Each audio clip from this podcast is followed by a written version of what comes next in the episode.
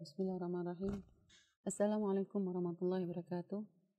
Alhamdulillah rabbil alamin wassalatu wassalamu ala asyrafil anbiya'i wal mursalin sayyidina walana Muhammadin wa ala alihi wa sahbihi ajma'in. Amma ba'du. Sahabat muslimah di mana pun Anda berada, semoga Allah senantiasa memberikan kepada kita kesehatan untuk bekal taat dan beribadah kepada Allah Subhanahu wa taala.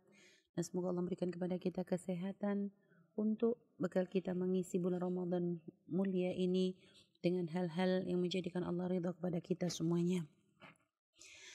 Pada pertemuan yang lalu kita sudah membahas tentang keistimewaan bulan Ramadan. Lalu bagaimana cara kita untuk bisa membersihkan hati kita di bulan Ramadan.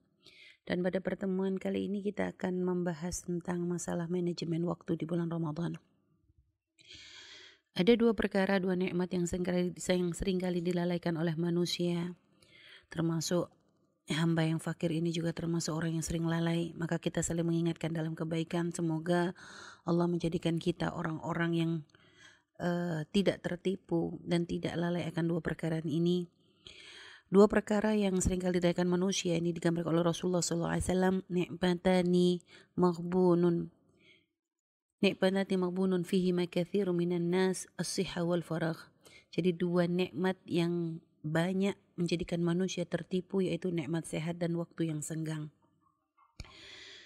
Seringkali ada banyak orang yang diberikan kesehatan badannya akan tetapi ternyata dengan nikmat sehat yang Allah berikan kepadanya tidak menjadikan dia semakin giat di dalam beribadah bahkan tidak sedikit dari hamba-hamba Allah yang ternyata menggunakan kesehatannya untuk dia bermaksiat kepada Allah Subhanahu wa taala.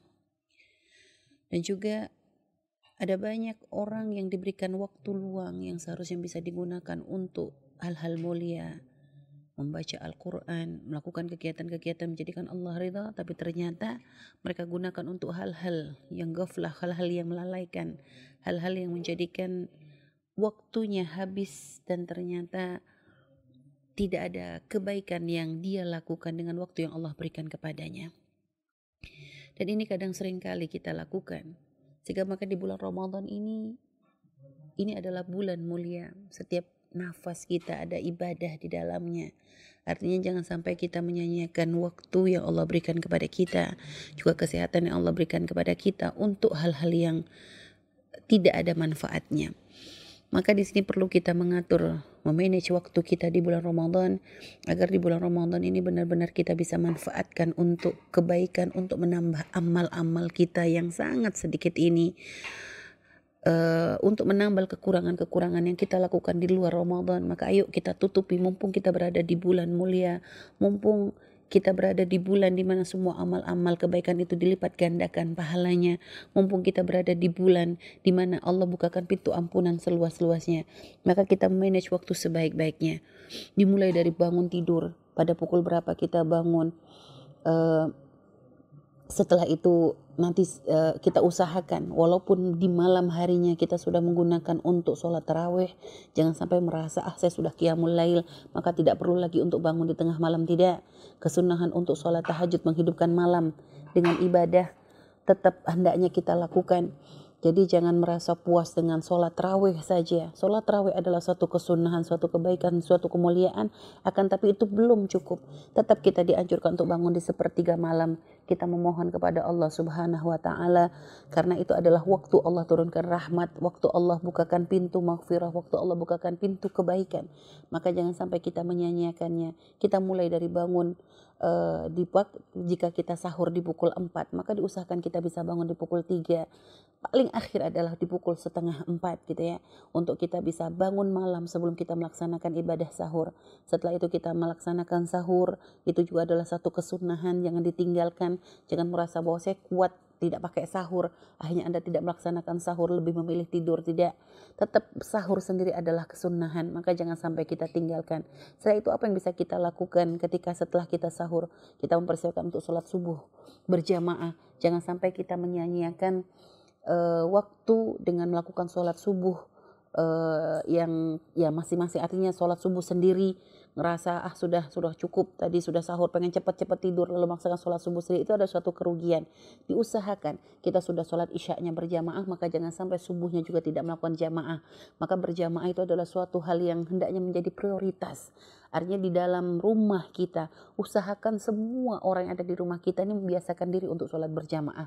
Jangan sampai merasa enak di saat di saat sholat sendiri.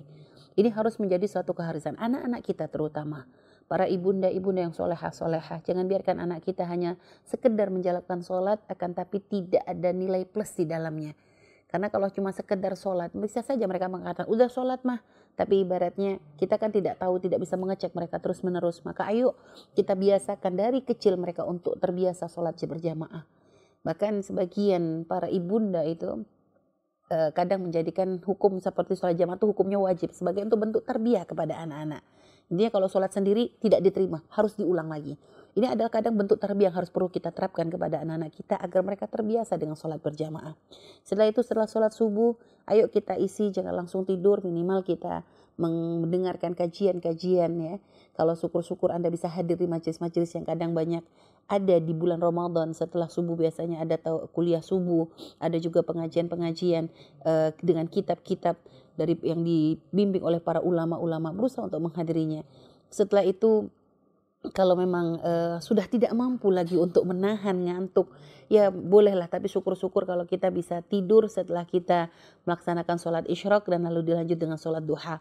Ini juga adalah satu hal yang mulia yang hendaknya juga kita usahakan untuk bisa kita laksanakan. Dan ingat di bulan Ramadan ini usahakan sholat duha menjadi suatu hal yang hendaknya uh, harus kita uh, kita lakukan walaupun ini bukan suatu kewajiban. Akan tapi itu tadi ya karena ini adalah bulan istimewa maka sholat duha, sholat bangun malam ini hendaknya menjadi suatu yang kalau perlu kita wajibkan. Kenapa? Karena kita ingin mendapatkan keutamaan di hadapan Allah Subhanahu wa taala.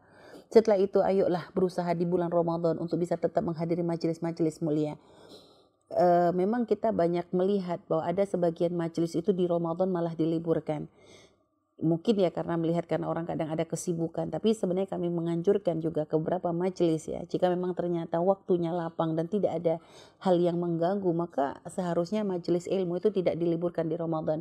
Karena sayang sekali di luar Ramadan pahalanya gede di bulan Ramadan lebih gede lagi. Maka hendaknya majelis-majelis ilmu itu terus dihidupkan. Mungkin kalau misalnya eh, apa namanya mungkin orang mengatakan soalnya nanti kita sibuk baca Quran bisa disisipkan. Sebelum sebelum mulai taklim misalnya ada membaca Al-Quran dulu sehingga semuanya mendapatkan kuta membaca Qurannya dapat majelis ilmunya dapat istiqomahnya dapat. Dan juga ini akan menjadi sebab kemuliaan di hadapan Allah Subhanahu wa taala.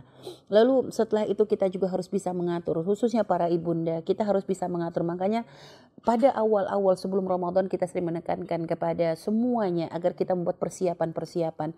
Termasuk hal-hal yang bisa mengganggu kita untuk beribadah di bulan Ramadan ayo dipikirkan di jauh-jauh hari sebelum Ramadan urusan berbelanja yang kadang menghabiskan waktu ini juga harus bisa diatur dengan baik. Bagaimana caranya kita agar bisa berbelanja akan tapi tidak menghabiskan banyak waktu? Maka perlu ada catatan-catatan dan sebagainya. Juga pengaturan menu karena biasa para ibunda juga tidak terlepas dari masalah ini. Mengatur menu buka mengatur menu sahur. Ini memang seharusnya disiapkan adalah di luar Ramadan sehingga nanti di bulan Ramadan kita sudah tidak pusing lagi memikirkan menu dan sebagainya. Bahkan kita juga sering mengingatkan kepada para ibunda-ibunda di luar Ramadan sebelum masuk di Ramadan termasuk persiapan juga ya dengan kita menyiapkan bumbu-bumbu masak. Itu sendiri jangan dianggap suatu perkara yang remeh. Jika diniatkan adalah untuk memperingkas waktu di bulan Ramadan uh, supaya nanti bisa kita sisihkan waktu waktu yang biasa kita gunakan masa untuk beribadah membaca Quran itu sendiri adalah suatu kemuliaan. Sehingga misalnya kalau sudah bumbu sudah siap sehingga nanti ketika waktu orang uh, waktu memasak yang biasanya memasak itu membutuhkan waktu lama dua jam dan sebagainya. Cuma karena sudah bumbu sudah dipersiapkan sehingga kita tidak tidak membutuhkan waktu lama sehingga sisa waktu tersebut bisa kita gunakan untuk membaca Al-Quran atau untuk menghadiri taklim majelis-majelis ilmu. Jadi memanage waktu di bulan Ramadan ini adalah benar-benar harus kita perhatikan atur waktu dan juga diusahakan. Bukan hanya kita membuat peningkatan anak-anak kita atur waktu kapan mereka istirahat kapan mereka bermain kapan mereka belajar kapan mereka membaca Al-Quran. Jadi semuanya berusaha untuk menghidupkan Ramadan dengan kemuliaan. Jadi inilah yang harus kita perhatikan untuk memanage waktu sebaik-baiknya di bulan Ramadan. Semoga Allah menjadikan kita orang-orang yang tidak tertipu dengan kenikmatan sehat yang Allah berikan juga dengan kelapangan waktu yang Allah berikan dan juga semoga kita menjadi orang bisa memanfaatkan waktu di bulan Ramadan ini dengan sebaik-baiknya sehingga kita bisa menambah amal-amal baik kita dan semoga amal-amal baik kita menjadi sebab keselamatan kita di dunia dan di akhirat. Ini saja wallahu alam bisawab. Wassalamualaikum warahmatullahi wabarakatuh.